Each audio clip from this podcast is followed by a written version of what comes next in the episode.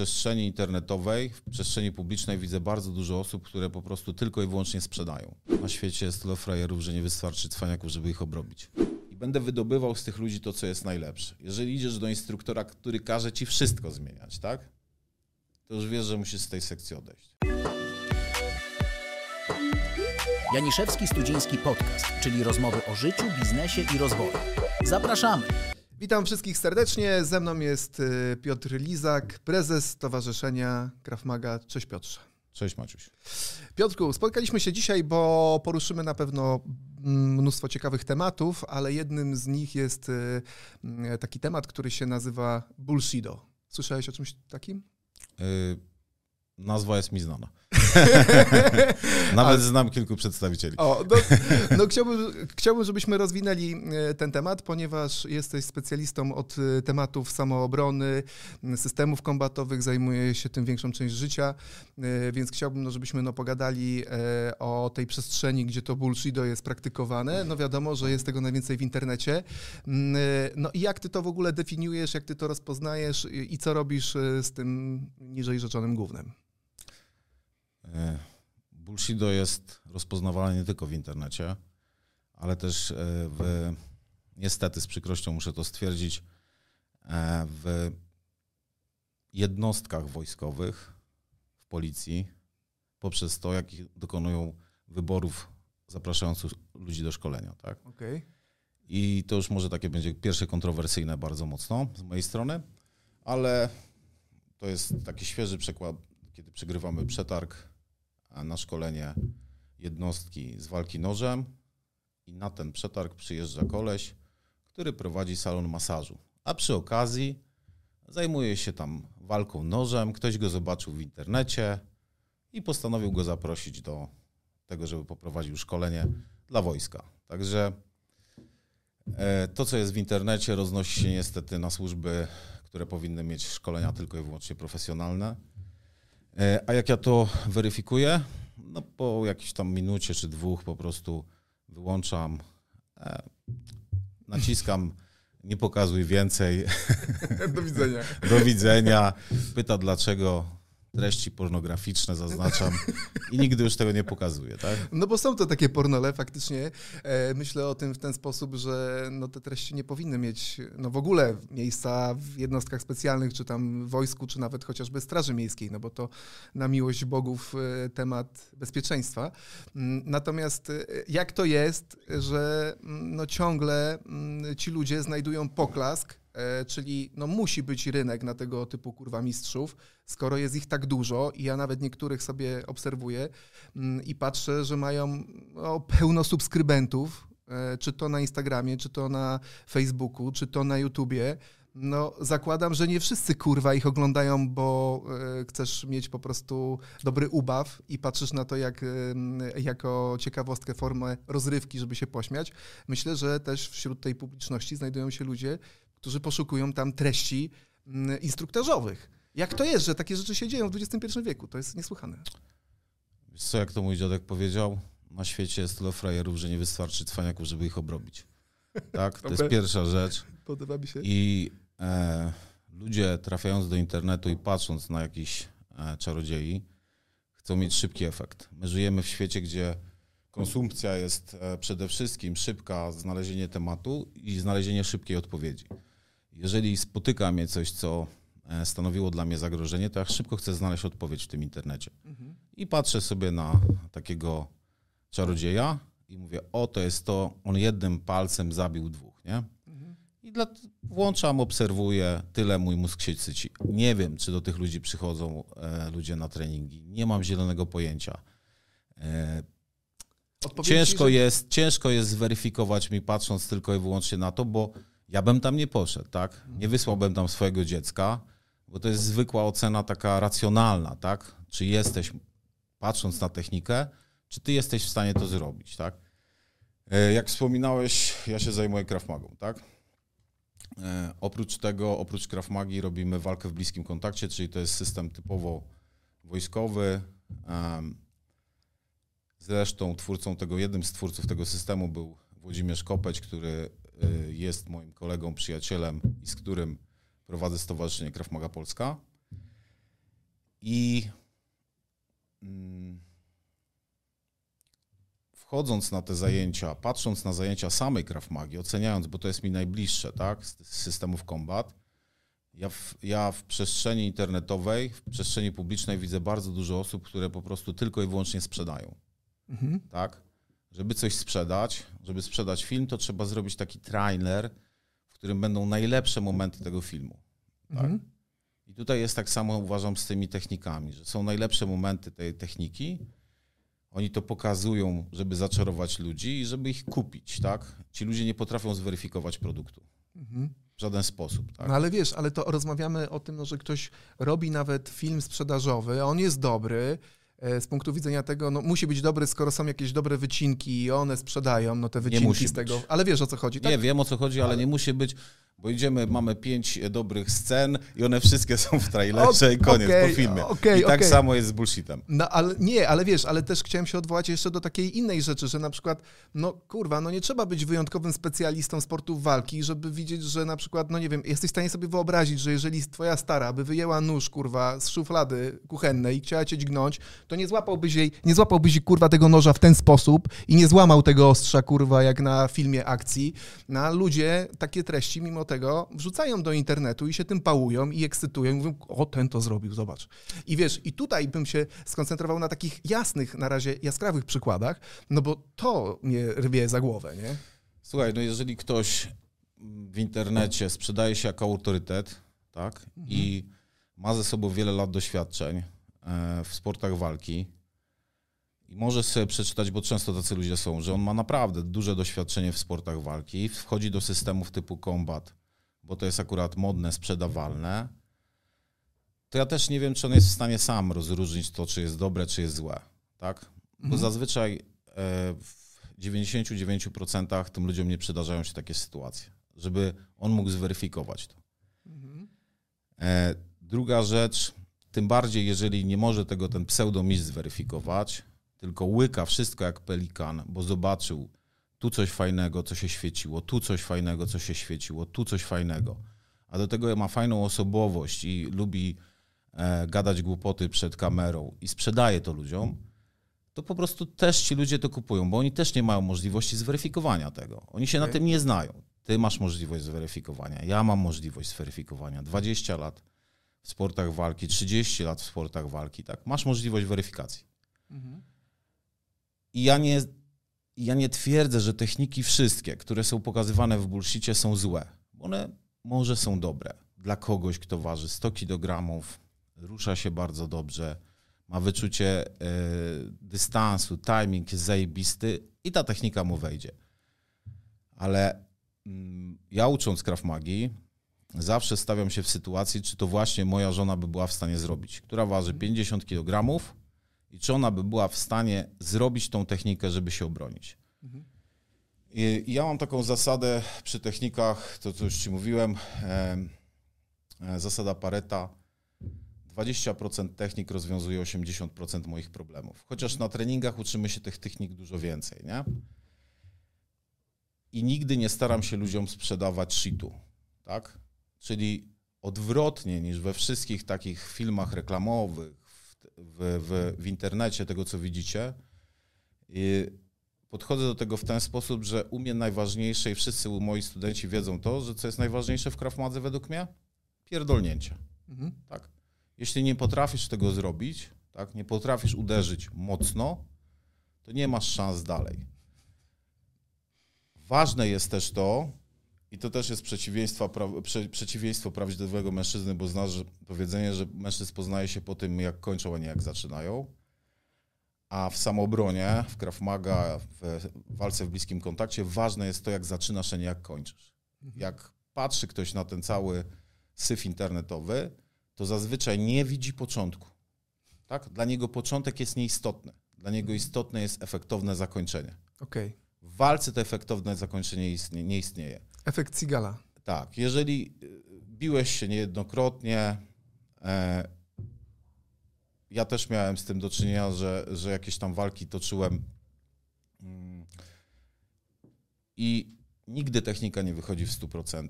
Tak? Ta technika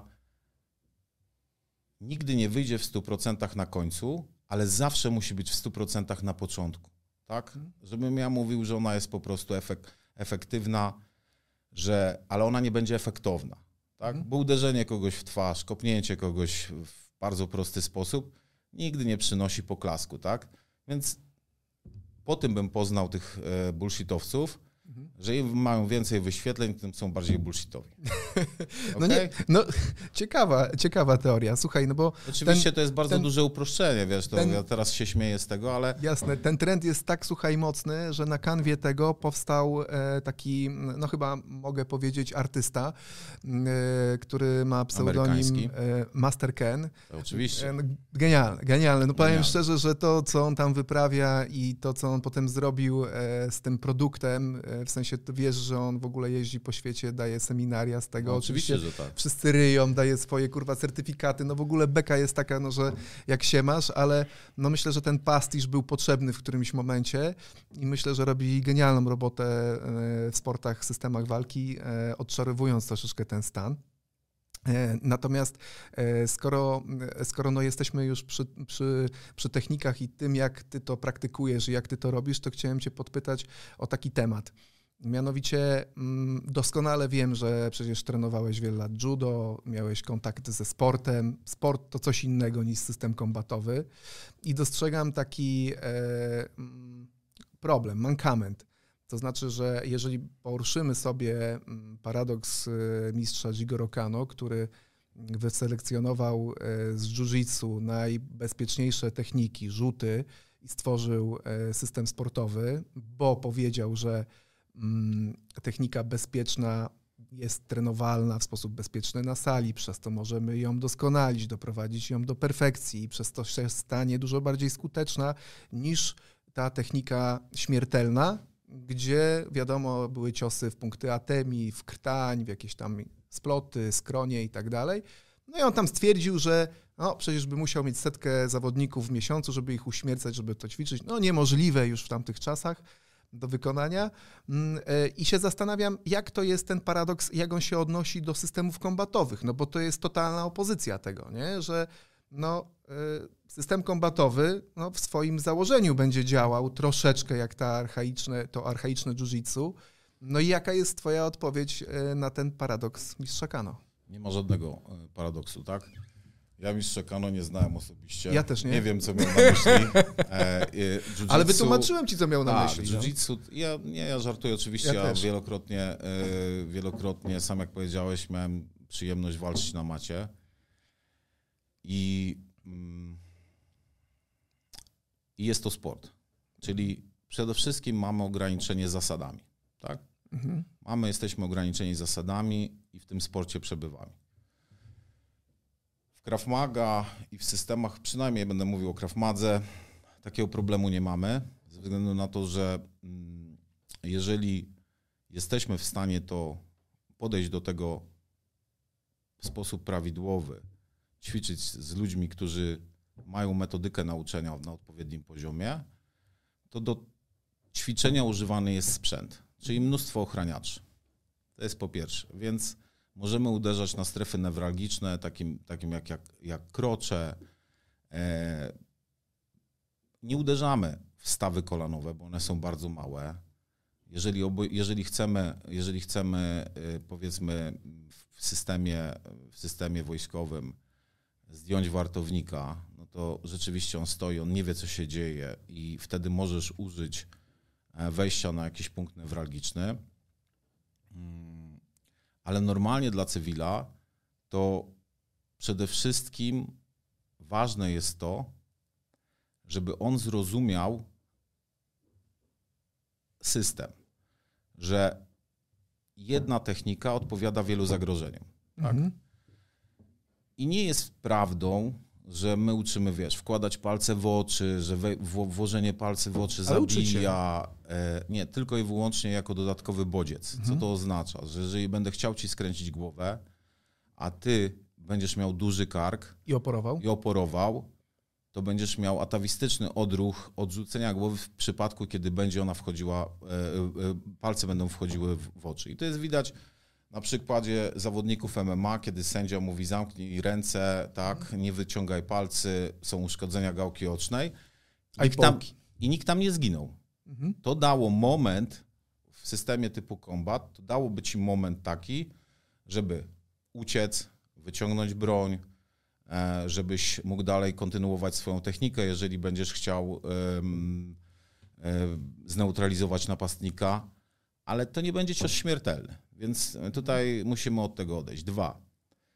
E, Systemy typu combat są takim archaicznym, e, są takim nowoczesnym jiu-jitsu z prostego powodu, ponieważ są to systemy, które powstały dla wojska. Tak jak w Japonii było w jiu-jitsu była obrona przed e, mieczem, kijem, tak? No, Tak chyba samo- to była tak ta samo- część po utraty Tak. miecza. Jeżeli wypadł ci miecz z dłoni, to oni wtedy... Okej, pra- ale musieliśmy rozróżnić tą walkę wręcz e, przeciwko e, napastnikowi, który jest uzbrojony w Jasne. e, broń białą. Tutaj mamy całą gamę szantaży, obron, nauki obron mm, przed szantażami. Bronią palną, długą i krótką, nożem, tak? I podstawowe bardzo obrony przed atakami nożem. Mhm. E, My nie jesteśmy w stanie skupić się na tym, żeby zostać zawodowcem od noża, tak?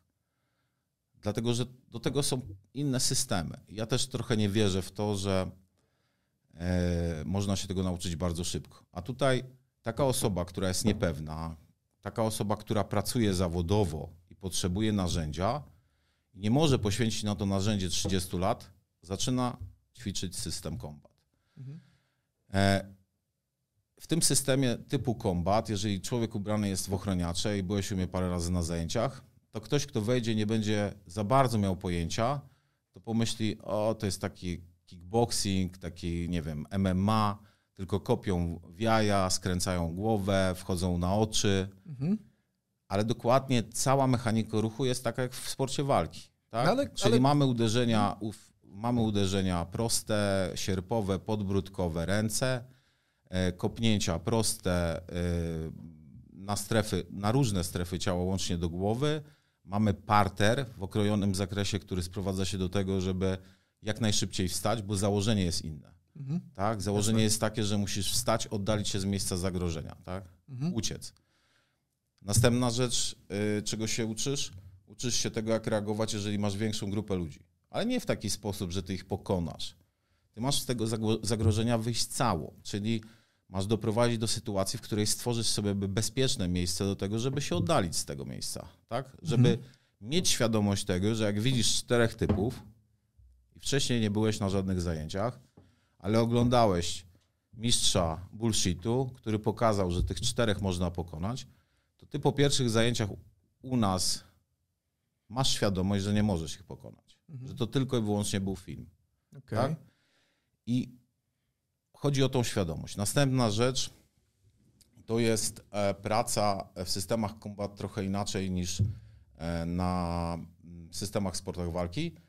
Pracujesz w różnych miejscach, czyli mm, tak jak, nie wiem, w pierwszy weekend marca mamy zajęcia w dyskotece, e, zajęcia w tramwaju, tak? Zajęcia w przestrzeniach publicznych, klatka schodowa i tak dalej.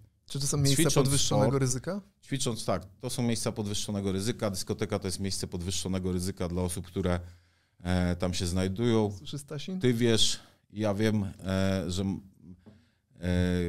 przez ładnych kilka lat stałem w klubach na bramce, więc e, jak przestałem tam stać, to przestałem chodzić do klubów. Tak?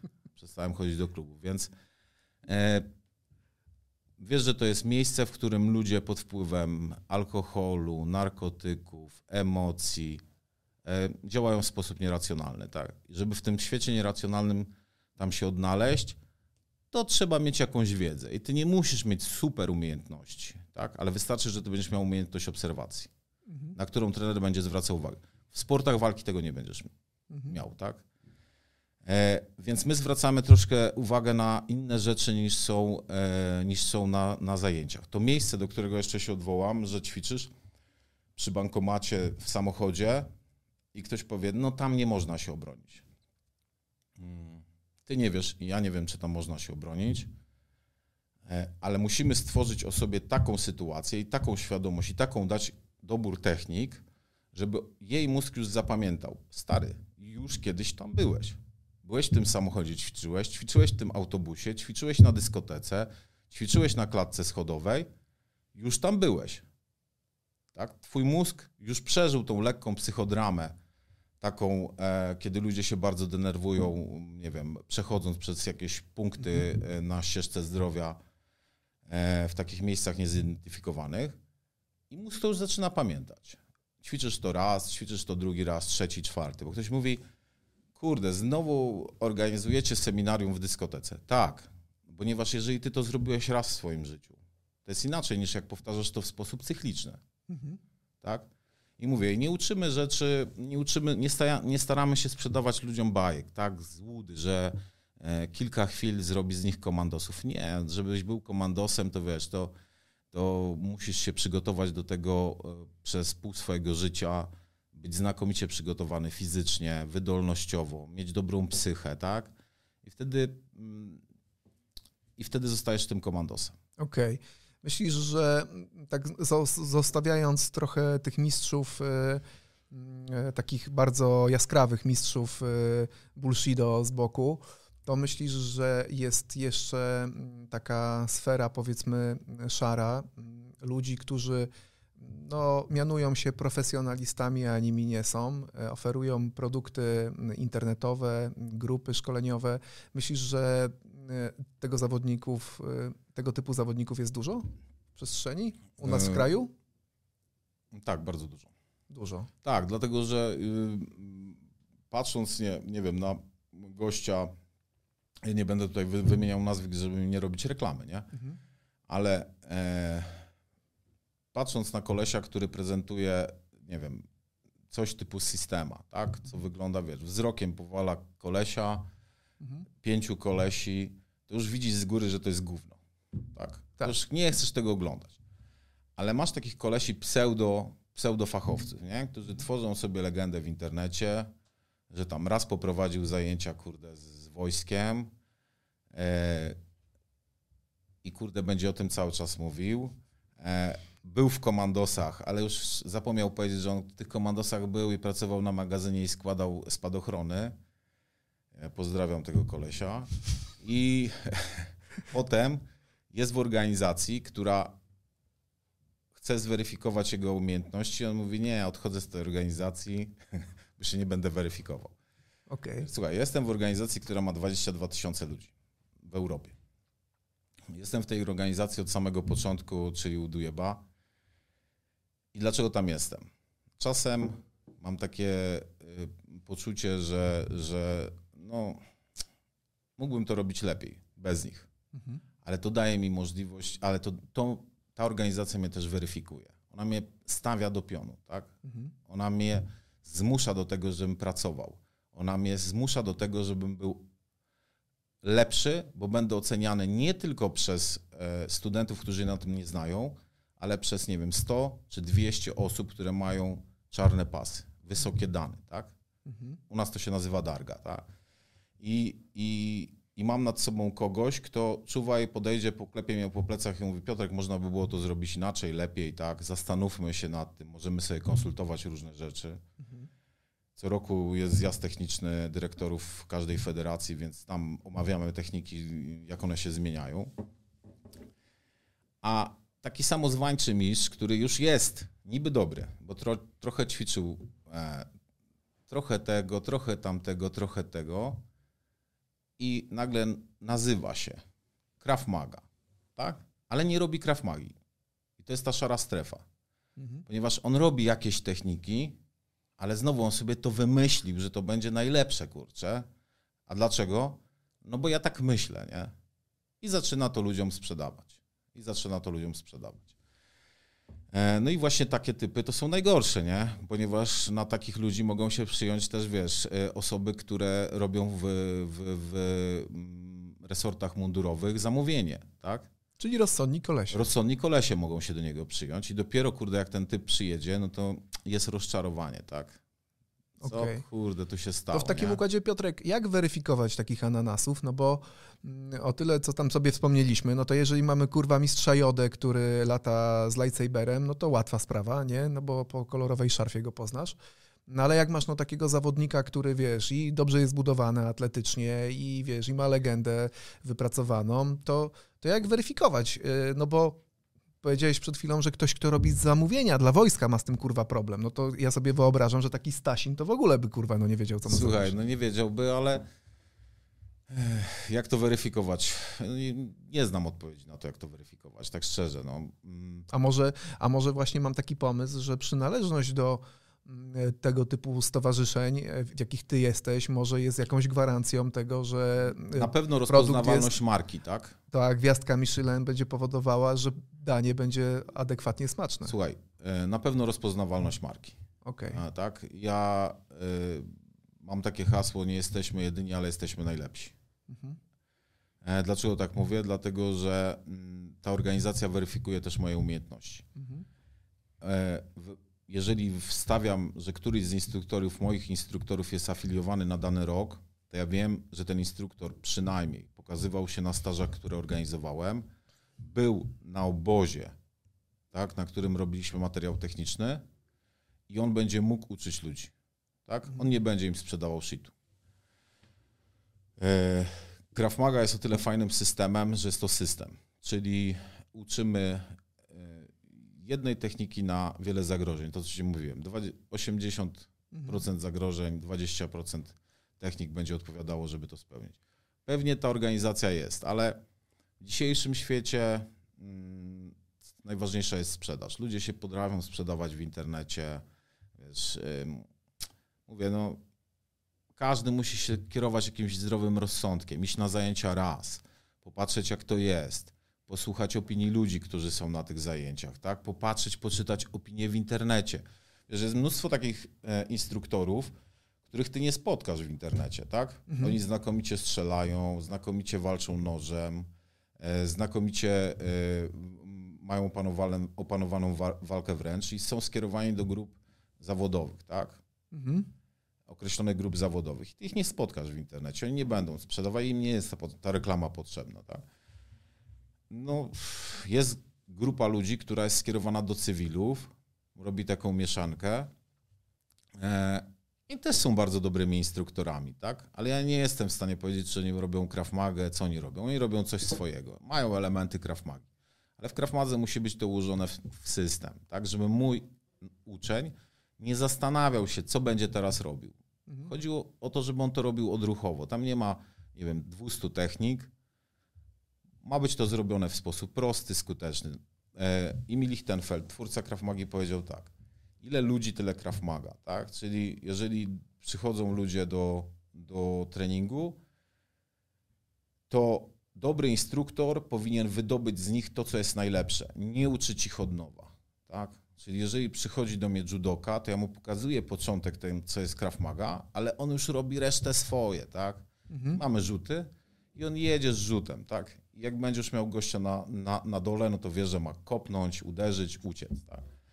Jeżeli będzie u mnie karateka, to ja też go nie będę zmieniał. Mhm. Ja mu pokażę ten początek, czyli początek tego, tej Krav Magi, pokażę mu na czym ten system pole, polega, ale on będzie kopał w określony sposób, uderzał w określony sposób. I ja teraz nie będę zmieniał u niego, żeby on trzymał bokserską gardę, tak? Jeżeli ma gardę niżej. Mhm. I będę wydobywał z tych ludzi to, co jest najlepsze. Jeżeli idziesz do instruktora, który każe ci wszystko zmieniać, tak? To już wiesz, że musisz z tej sekcji odejść Okej. bo się nie jesteś w stanie tego nauczyć. Bo jeżeli będziesz miał wszystko zmienić w swoim życiu, ile nam jako ludziom by była potrzeby na zmianę wszystkiego w swoim życiu? Lata. Tak? Ale jeżeli będziesz miał zmienić mały szczegół swojego życia, żeby ulepszył twoje życie, Mhm. to to jest tak jak w Krafmadze, tak? Zmieniam szczegół z twojego ruchu po to, żebyś ty się lepiej poczuł, żebyś był pewniejszy, żebyś wiedział, jak technikę zrobić, ale to wszystko, co masz wyuczone, to kopnięcie, które grałeś piłkę nożną, tak? Uderzenie, bo nie wiem, byłeś e, siatkarzem, tak? I uderzasz bardziej z góry. To trzeba wszystko w ludziach e, jakby wzmacniać, żeby ten człowiek jak najszybciej się tego nauczył, nie? Dlatego to jest też taka organizacja plus ten instruktor, dogadywanie się z instruktorem. Czasem ludzie, wiesz, przychodzą na zajęcia, bo mają zupełnie inny cel, nie? Bo ktoś chce być sprawniejszy, chce zrzucić kilka kilogramów, y, chce się poruszać, socjalizować z ludźmi. On nie przychodzi po to, żeby się uczyć. I on może zostać w każdej sekcji. Jeżeli ta sekcja jest fajna, że on się tam odnajduje. Na pewno zrobi więcej niż jakby siedział na kanapie, nie? Jasne. Ale to jest bardzo ciężko, żeby to odróżnić, bo, bo ludzie się zachwystują takimi, wiesz, smaczkami. Tak, ktoś im wrzuca jakieś takie e, fajerwerki i mówią, ach, to jest zajebiste? Okej. Okay. Piotrek, e, zaczynałeś swoją przygodę Krav Maga razem e, z Jarkiem Rogowskim, to jest nasz też wspólny znajomy, pozdrawiamy. Tak, pozdrawiamy. U Wojciecha Adamusika, dobrze mówię? Nie? Adamczyka. U Tomka, u Tomka Adamczyka, tak? Tak. Popraw mnie, dobrze. Tomasz okay. Adamczyk. Tomasz Adamczyk, również pozdrawiamy. Powiedz, nie, nie pozdrawiamy. Okej. Okay. Ja nie znam, dlatego okay. rzucam. Co, co się zadziało, powiedz, że mając... E, bo ja nie znam historii, dlatego jestem ciekawy, dlatego pytam od razu, e, uprzedzam pytanie. Co się zadziało, że mm, tacy zawodniki, zawodni, zawodnicy jak ty i Jarek e, odeszliście od tego nurtu? Przecież on był pierwszy w ogóle chyba jako taki w Polsce mm, i e, trwa do dzisiaj. Co się dzieje, że tego typu dobrzy instruktorzy, którzy potem e, prowadzą sekcję 20 lat dalej, rozstają się z tego typu nurtem? To mnie po prostu interesuje. Hmm. Słuchaj, ja nie rozstałem się z żadnym nurtem. Mhm. Tomasz Adamczyk został po prostu wykluczony przez Ryszarda Dujeba z Europejskiej Federacji Krav Maga. Ja w tej Europejskiej Federacji Krav Maga jestem dalej. Prezesem na jego miejsce w Polsce został Włodzimierz Kopeć, Kopeć i Piotr Tarnawski. Tak? Mhm. Dwaj kolesie. Których którzy, pozdrawiamy. Który, tak, których pozdrawiamy, którzy ćwiczyli u Adamczyka, bo od niego się wszystko zaczęło. Tak? E, I ja tam zostałem. Okej. Okay. Tak? Czyli ja tam tutaj, był polityczny, tak, rozumiem. Y, Klubowy, taki, no tak? Organizacyjny?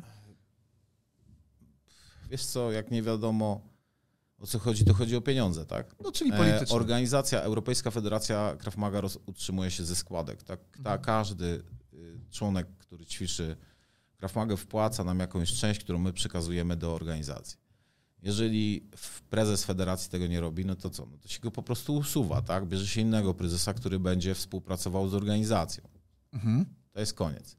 Okay. E, I każdy poszedł swoją drogą. E, co do Jarka, nie wiem, jakie były jego, e, jakie były jego motywy, że on odszedł.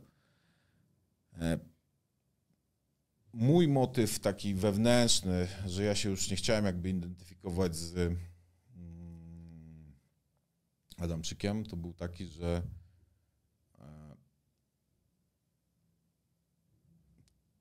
nie było jasnej drogi rozwoju. Tak? Nie było jasnej drogi rozwoju. To było takie, wszystko było mgliste, było niedopowiedziane. Jak robiłem kurs instruktorski, to potem okazało się, że to on wcale ten kurs instruktorski, ten kurs instruktorski jest gównowarty, bo ryszarduje po tym, nie wie, mnóstwo rzeczy takich, które powodowały, że ja poszedłem z Włodkiem i poszedłem z Tarnaskim, zostałem w tej organizacji. Poza tym, jeżeli, ja powiem szczerze, jeżeli bardzo często przychodzi się na sekcję dla instruktora, nie?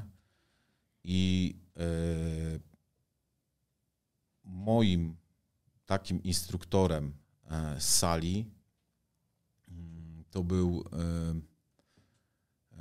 Paweł Dobrodziej i Michał Stępiński, tak, czyli uczniowie już jak gdyby Adamczyka, z którymi ja bardzo dużo czasu pracowałem i Bartek Zabłocki, mój kolega zresztą w tej chwili e, biznesowy. I ja w większości się od nich uczyłem, tak? Od Antaresa. E, u nich techniki były robione szybko, e, natomiast główny master nigdy nie robił tego szybko, więc ja tak naprawdę nie wiedziałem, co on potrafi. Nie wzbudzał we mnie po prostu zaufania ten facet, nie? Mhm. I poprzez to, że miałem takich instruktorów, z którymi instruktorów, kolegów, bo to było na dużej zasadzie koleżeństwa. Spotykałeś mnóstwo ludzi na seminariach, który, którzy, którzy pracowali w służbach mundurowych, przekazywali ci jakieś informacje, wiadomości. Ja też tego nie umiałem zweryfikować, tak? e, słuchałem ludzi, którzy są w tym świecie, tak? Są w tym świecie. Jeżeli mówią, odchodzimy, tak ja odchodzę razem z nim. Jeżeli Dujeb mówi, którego ja zobaczyłem na sali, wiesz, stałem jak zaczarowany, jak chłop się rusza, jak, co robi, tak? W jaki sposób to robi, jak to jest proste, jak to jest ułożone przez niego bardzo szybko, tak? To e, mówię, jeżeli on uznaje, że ktoś inny będzie teraz szefem, no to ja zostaję po prostu w tej organizacji dla niego, tak? I, okay. i, i to była cała moja mm, e, przygoda z tym. Poza tym w tamtym czasie ja nie byłem w stanie weryfikować pewnych rzeczy, tak? Nie byłem w stanie weryfikować i, i z punktu widzenia e, już mm, kilkunastu lat, dwudziestu lat, ja widzę, że ta decyzja była bardzo dobra, e, że tutaj, gdzie przeszedłem, mm, nikt nie sprzedaje mi bullshitów. Okej, okay. to jest dobre. Dobra, e, okej, okay, zostawmy ten temat, bo mówię, zapytam cię na antenie, nigdy prywatnie przy piwie nie było okazji, no więc e, dzisiaj się znalazła. Okej, okay. dobra, e, słuchaj, powiedz, mm, bo Krav Maga to z pewnością biznes, no jakby nie było, każdy system, czy to sportowy, czy to kombatowy, organizujący zajęcia no, przekłada się na składki, przekłada się na seminaria, przekłada się na zarabianie pieniędzy. Powiedz mi, po pierwsze, czy ciągle jest boom na Krav Maga i da się e, tutaj e, tą nazwą potańczyć i zarobić? I drugie, e, czy bycie instruktorem Krav Maga jest lukratywną fuchą? Jak wiesz, ja tylko i wyłącznie zajmuję się tym hobbystycznie, tak? Mhm. Hobbystycznie i z tego hobby mam określoną ilość pieniędzy, która mi wystarcza do tego, żeby dalej się rozwijać w tej Krav. E, mamy instruktorów, którzy są instruktorami zawodowymi, którzy się z tego utrzymują. Zarówno w Europie, w tej chwili mamy już e, instruktorów e, w Afryce, mamy instruktorów na Bliskim Wschodzie i oni utrzymują się z tego zawodowo. Tylko i wyłącznie. Mhm. Jeżeli poświęcisz się zawodowo, żeby zostać takim instruktorem i utrzymywać się z tego, to będziesz się mógł utrzymywać. Tylko każdy musi sobie odpowiedzieć, ile pieniędzy jest mu potrzebne. Tak? Mhm. Ponieważ tutaj nie będziemy mieli takiej możliwości, żeby, nie wiem, nagle zarabiać set tysięcy złotych miesięcznie, tak, być y, królem parkietu. No nie, tutaj jest po prostu ciężka praca z ludźmi, sprzedajesz usługę. Jeżeli jest ci potrzebne, w prosty sposób. 100 osób przychodzi do ciebie na zajęcia, taka sekcja jest możliwa do zorganizowania, jeżeli się tym zajmujesz zawodowo. E, w jednym, w dwóch miejscach, ale zawodowo. To oznacza, że pracujesz 8 godzin dziennie. Przynajmniej te 8% godzin dziennie. Jak prowadzę swoją działalność gospodarczą, to nieraz pracuję 12. Proste. Tak? A instruktor, który chcia, mówi, a ja byłem na zajęciach dwa razy w tygodniu po półtorej godziny, nie mam efektów. No nie masz, bo ty pracujesz po półtorej godziny. Ty musisz pracować w tym cały czas. Musisz inwestować w reklamę, musisz inwestować w eventy z ludźmi, w salę, w swoje treningi, tak? Musisz być na bieżąco cały czas i wtedy jesteś w stanie się utrzymać. 100 osób, każdy ci wpłaca 200 miesięcznie, masz 20 koła. Ile okay. ci idzie na, na, na, na, na koszty, zostaje ci jakaś dobra pensja, tak? Pamiętam, Piotrek, że e, w szkole na Sienkiewicza gdzieś na Roosevelta, miałeś salę, zresztą ja tam byłem, chodziłem no, do ciebie na zajęcia. E, myślę, że nie obrazisz się, jeżeli powiem, że był okres, w którym e, byłem twoim praktykantem. Dokładnie. Tak więc mogę się tym pochwalić. E, chcesz mi powiedzieć, że ten poziom finansowy, który w tamtym czasie osiągałeś dzięki tym sekcjom był niewystarczający i dlatego przestałeś to robić zawodowo? Y poziom był wystarczający, ale życie mnie zweryfikowało, wiesz. Okay. E, będąc na studiach prawniczych, ja przyjechałem do Łodzi i zacząłem ćwiczyć e, sporty walki, potem się zetknąłem z Krav Magą, wsiąkłem w tą Krav Magę, otworzyłem sekcję. I to były lata 2000, gdzie wiesz, gdzie na zajęcia ja miałem po 150 ludzi, którzy bardzo dobrze płacili i trochę zapomniałem o studiach. Tak? Mhm. Zapomniałem o tych studiach.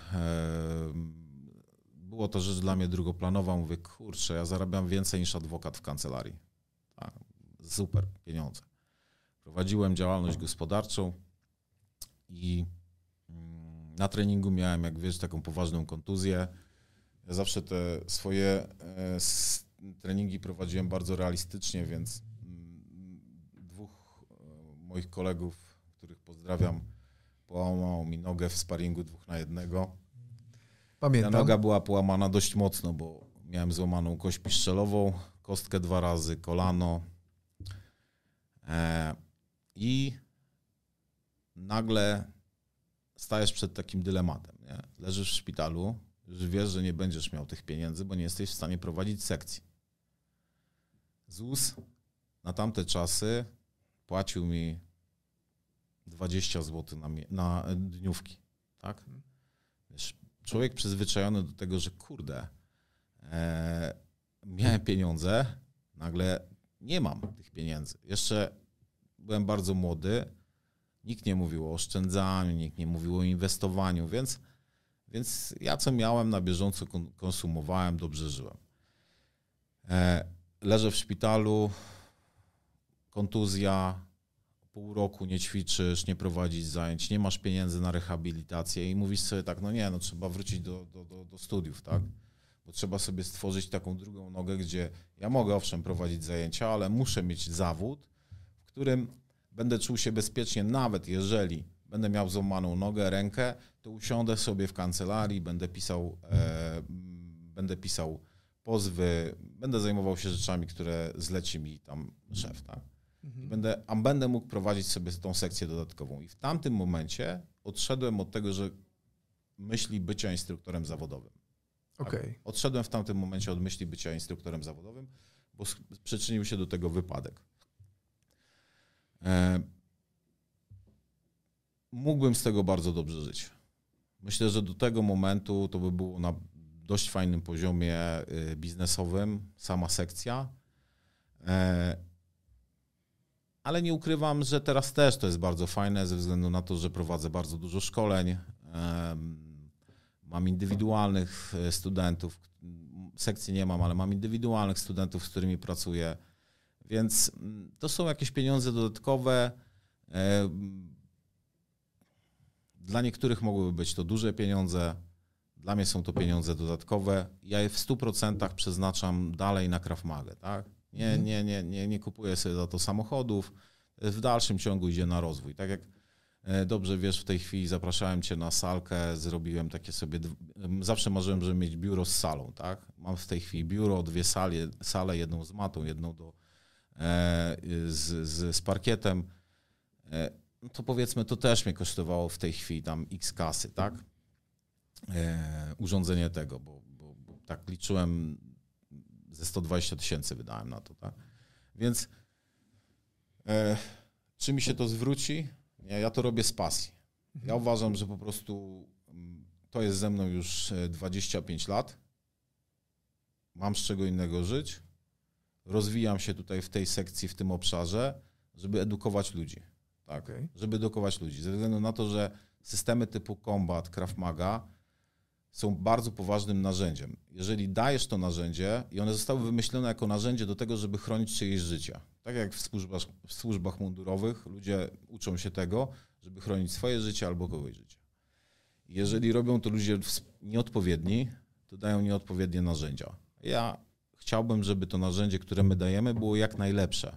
Więc do tego potrzebny jest rozwój. I wiesz, e, czasem siedzenie na macie godzinę, dwie, trzy, spędzanie sam ze sobą, zastanawianie się nad czymś, taka rozkminka, no to jest praca, czy to technika się sprawdzi, czy się nie sprawdzi, czy warto tego uczyć, czy nie warto, a już jak warto tego uczyć, to w jaki sposób, żeby tego kolesia w 90 godzin, czy 96 godzin, jeżeli ja sobie założyłem, mam zrobić z kogoś e, osobę, która jest świadoma, i umie odpowiedzieć na zagrożenie, albo umie chronić osoby trzecie, to czy ja jestem w stanie to zrobić, czy nie? Bo mogę dobrać takie środki, że będę to robił, e, nie wiem, latami, a mogę to dobrać takie środki, że to będzie wszystko bardzo szybko szło. Więc. E, mm, ale też to jest tak, że e, wracając do tego pytania o, o, o utrzymywanie się z tego, nie? Sam prowadziłeś sekcję, sam wiesz, jak to jest.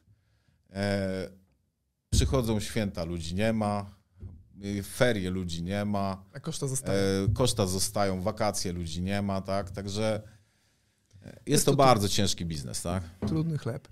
Mm, okej. Okay. E, dobra, no to, no to tutaj już mm, to wiem. Powiedz mi w takim układzie, Piotrek, bo to też mnie absolutnie interesuje.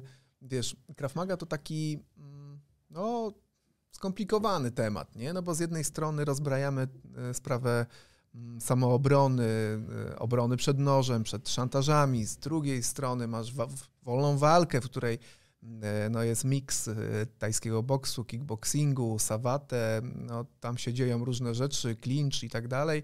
Jest tego, mm, tych płaszczyzn łącznie z parterem, jest tego dużo i, każdy, i każda ta płaszczyzna jest poruszana. Jednej rzeczy, której mi brakuje i chciałem się zapytać, dlaczego tak jest, to dlaczego nie ma takiej e, parasportowej formuły, w której e, praktykanci Krav Maga, powiedzmy na poziomie tam czarnego pasa czy brązowego pasa, mogliby e, rywalizować ze sobą po to, żeby poczuć no, ten, no, tą walkę, która trwa dłużej niż powiedzmy ułamek sekundy, kiedy podchodzi żul z browarem i go neutralizujesz kopem w jaja i sierpowym w ryj ale no zdarzają się takie trzepakowe pojedynki, które się trochę rozciągają mimo wszystko, w których trzeba się e, wykazać e, trochę innymi umiejętnościami na innym dystansie. Dlaczego tego nie ma w Krav? Dlaczego tego nikt nie zaimplementował jeszcze? Przecież to też by było, oprócz tego, że weryfikujące, to jeszcze ludzie by może mogli odnaleźć mm, tą sportową e,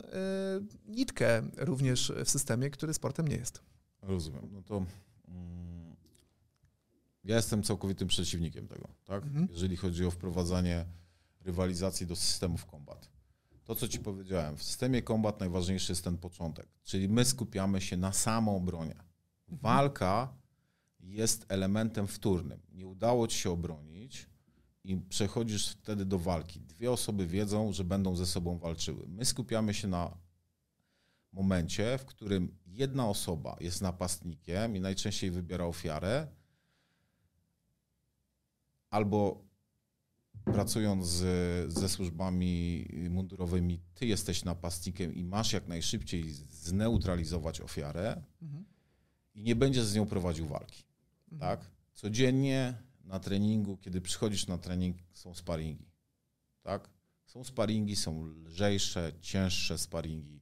Są dni sparingowe e, na obozach, gdzie nie wiem, wieczorami tylko ludzie się, tylko ludzie walczą ze sobą ale nie będziemy tego oceniać. Okay. Kto wygrywa, kto przegrywa i tak dalej.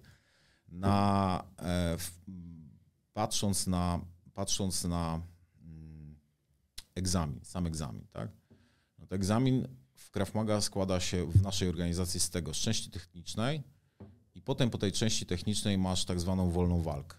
Na e, dwa razy dwie minuty, dwa razy trzy minuty, a potem taką walkę już na przy drugim danie walkę z dwoma napastnikami. Czyli najpierw walczysz z, z kolesiem dwa razy dwie minuty, a potem waży, walczysz dwa razy dwie minuty z dwoma. I to jest na pełnej wiksie? Tak, i to jest na pełnej wiksie, tak. No i teraz do tego powiedzmy to jest na takiej wiksie, że y, ja y, walcząc powiedzmy z, z, z, z na, no nie wiem, na pierwszy dan bodajże albo na drugi, już nie pamiętam, walczyłem z Finem i połamałem mu nogę y, kopnięciem i nikt nie miał za to pretensji do mnie, chociaż to była część egzaminu. Ja nie, oczywiście nie chciałem tego zrobić, po prostu t- tak wyszło, tak? To jest to trenowanie, to trenowanie, e, jak trenujesz, jak trenujesz, to potem tak, tak walczysz, tak? A potem mm, e, na kolejnym egzaminie e, sam byłem znokautowany i to była ta weryfikacja tego, czy ty masz ducha walki, czy ty nie. Nie okay. masz tego ducha walki. Nie jest ważne, jak ktoś się będzie bił, bo będziemy mieli kolesi, którzy naprawdę będą ćwiczyli, nie wiem, zapasy i będziemy mieli na egzaminie taką sytuację, w której, nie wiem, jeden drugiego postawił na głowie, tak, na parkiecie. No, też widziałem we Francji takie sytuacje, gdzie wiesz, gościu niesie wysokiego suplesa i stawia drugiego na głowie. Dobrze, że był parkiet, to mu się głowa ześliznęła, bo już myślałem, że będzie trup. E, I e, są nokauty, bardzo ciężkie, ale to jest tylko i wyłącznie weryfikacja twojego charakteru. Okay. Nie musisz się bardzo dobrze. Czyli nie musisz tego wygrać? Nie, ty nie musisz tego charakteru. wygrać, to musisz pokazać charakter. A w, a w sportach takich, e, w, w, w konfrontacjach sportowych... Liczą się medale. Ma, tak, liczą się medale, ty masz ustalone zasady. Jak ja miałbym kogoś oceniać teraz, jeżeli mówiłem na początku, że ćwiczy ktoś kopnięcia na punkty newralgiczne albo skręcania głowy, ale używamy do tego kasków ochraniaczy i co? Ubrone, ubiorę typa jednego, drugiego w kaski, ochraniacze nie będą się bić jak Pi Sigma, no nie, no to jest, bo byłoby to śmieszne. Oczywiście są organizacje Krav Maga, które marketingowo sobie wymyśliły, że będą robiły takie pojedynki, tak? Okay. No ale wydaje mi się, że są tylko pieniądze, bo jak dobrze wiesz, jak jedziesz na zawody jiu-jitsu, tak, czy, czy, czy nie wiem, karate, zawsze musisz dać wpisowe, mhm. tak? I BJJF też. Tak, i to zawsze to wpisowe kosztuje 150-200. Zakładasz sobie, że przyjechało ci 400 osób, po 200 zł wpłacili, zostało... Miła sprawa. Została miła sprawa na organizatora, wiesz, jeszcze masz 10 sponsorów i możesz z tego zrobić biznes, tak? My nie chcemy tego robić w te, takiego biznesu, bo my tego nie sprzedajemy, takiego produktu, nie? Dobra. Piotrek, dlaczego twoje dzieci chodzą na brazylijskie jiu-jitsu? Nie, nie chodzą. Ale chodziły. Yy, A nie na Krav Maga. Obydwoje Obydwoje chodzą na, e, chodzili na brazylijskie jiu-jitsu. Michał e, nawet bardzo dobrze mu szło u Piotrka Kaprala. Pozdrawiamy. Pozdrawiamy. W tamtym roku miał jakieś e, medale, a teraz ćwiczy kickboxing i boks tajski. Okay. I, a moja córka ćwiczy Krav Maga, tak? A, okay. A moja córka ćwiczy Krav Maga. dlaczego to robią? No. Każdy, Inaczej, dlaczego każdy nie, poszukuje swojej drogi, nie? Dlaczego nie robią, nie? Bardziej dlaczego moje pytanie, nie robią? Tak, no bo zakładam, no, zakładam, że to było tak, że mm, no ponieważ wiem, e, że mm, twoje dzieciaki są w wieku tam 14, 15, no ale wiem, że ten kontakt ze sportem miały dużo, dużo wcześniej i wiem, że to nie było Krav Maga. I moje pytanie zdążało do tego, ponieważ wiem, że w tym wieku e, swoją decyzyjność ma się na poziomie wyboru gry w PlayStation, którą się wybiera, no to zakładam, że to ty, podsu to ty podsunąłeś sport e, im pod nos, a nie system kombatowy i pytam się, dlaczego to zrobiłeś? Dlatego, że sport rozwija. Rozwija w różnych płaszczyznach. Chcesz Dlaczego powiedzieć, wybrałem... że Krav Maga nie rozwija? E, e, Krav Maga, do Krav Maga trafiają ludzie już dojrzali zazwyczaj, okay. nie? Mamy sekcje dziecięce, ale jest ich bardzo mało, gdzie ta metodyka dla dzieci e, jest mocno, mocno wdrażana, ale nie ukrywam, że w większości trafiają do nas osoby dorosłe. Ja sam nie lubię pracować z dziećmi. To tak jak ja? Ponieważ dzieciom trzeba poświęcić dużo, dużo więcej czasu do rozwoju. Trzeba mieć dużo cierpliwości. Systemy sportowe mają znakomitą metodykę do tego, żeby kształcić organizm młodego człowieka. Mhm. Sprawnościowo, ruchowo ta osoba poznaje, e, poznaje, co to jest ta rywalizacja, tak? Mhm. Osoba, która ma 20 lat, 30 przychodzi do mnie, to ona już wie, co to jest rywalizacja. Bo ona pracuje. No chyba, że nie wie. Stary. Kto nie wie w dzisiejszych czasach, co to jest rywalizacja? Stasin. Za komuny było wiadomo, co to jest rywalizacja, bo musiałeś stać w kolejce. Dzisiaj cię szepo pieprza y, tutaj, y, że, że wiesz, za mało pracujesz. Mhm. Jak nie będziesz więcej pracował, to, to cię zwolni, bo ma na twoje miejsce kogoś innego i rywalizujesz z, y, z kimś wirtualnym. Ktoś na twoje miejsce i cały czas rywalizujesz. Nie, no pewnie. Nie? I wiesz, może to nie jest rywalizacja fizyczna, ale psychicznie ty cały czas rywalizujesz. Takie dziecko jest pozbawione tego, tak. Mhm. Ale przede wszystkim Czy... głów, głównie jest to, że to jest bardzo fajna e, metoda rozwoju całego ciała, tak? Czyli chcesz mi powiedzieć, że jako prezes Stowarzyszenia Krav Maga nie rekomendujesz treningu dzieci w Krav Maga? Rekomenduję. Rekomendujesz. Rekomenduję, mamy do tego, mamy do tego program, tylko mhm. ja mówię, że ja tego nie robię, tak? Okay. Ja tego nie robię.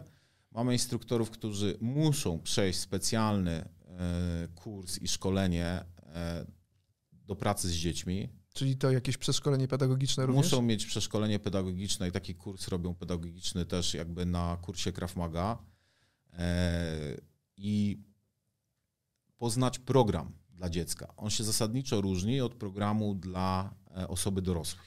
Tak? No, tak zakładałem. E, I wtedy, jak wiemy, że ten instruktor jest przygotowany do tego, a jeszcze, daj Boże, miał doświadczenie wcześniej w sportach walki, gdzie nie wiem, ćwiczył karate, judo, zapasy, to on będzie znakomicie prowadził te zajęcia dla dzieci. Mhm. Tak, będzie znakomicie prowadził te zajęcia dla dzieci. Ale no znowu, no, nie wszyscy się do tego nadają. Słuchaj, wspominaliśmy już wcześniej na antenie, że część osób mówi, że Krav Maga to taki kickboxing, tylko że można kopać w jaja. Między innymi taką, e, takie zdanie formułuje mój trener i przyjaciel Karol Matuszczak, którego pozdrawiamy. Pozdrowienia do Poznania. E, no i Karol e, wielokrotnie e, mówił, że a tam Krav Maga to taki kickboxing, tylko że można w jaja kopnąć. Jak to bronisz, kiedy słyszysz tego typu mm, zarzuty? No bo to tak trzeba nazwać. Ja nie bronię tego, bo wiesz, to, to jest tak, że dobro się samo obroni.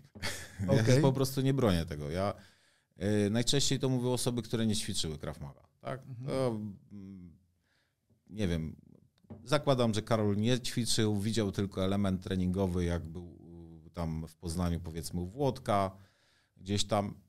To jest pewnego rodzaju, y, pewnego rodzaju elementem treningowym są kopnięcia, to co powiedziałem, od dołu do góry, tak? Mhm. I dlatego to przypomina. I dlatego to może przypominać, że, że, że to jest. I, i w Krav Maga to jest taki trochę. Yy, mamy taki zlepek, bo mamy techniki bokserskie, kickbokserskie, tak. Mhm. Parter mamy w tej chwili, yy, podstawy parteru z brazylijskiego jiu-jitsu ułożone w, w, sposób schematyczny, żeby to było łatwe do nauczenia. A czy możesz powiedzieć, do... kto układa ten parter, tak z ciekawości? Jak powiedziałem, organizacja ma 22 tysiące okay. osób. Nie? Czyli, jest Czyli w naszej organizacji instruktorami, którzy mają na przykład piątą dargę, szóstą, są też instruktorzy, którzy mają tam trzeci dan w brazylijskim jiu-jitsu. Tak? Okay. Są czynnymi zawodnikami. Czyli mamy mają instruktorów, tak.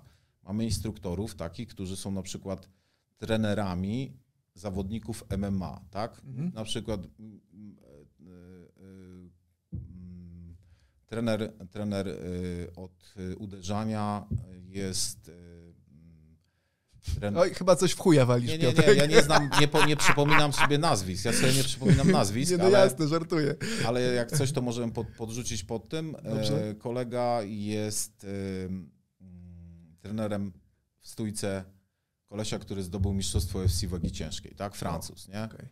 Więc ci ludzie mają doświadczenie, i taki program nie powstaje, bo to też jest ważne, taki program nie powstaje w ciągu pół roku, roku, tylko on był robiony trzy lata. Tak? Trzy czy cztery lata doświadczenia były zmienia, z, z, e, doświadczenia były mhm. e, wymieniane po to, żeby to powstało. Nie? E, jakie było pytanie?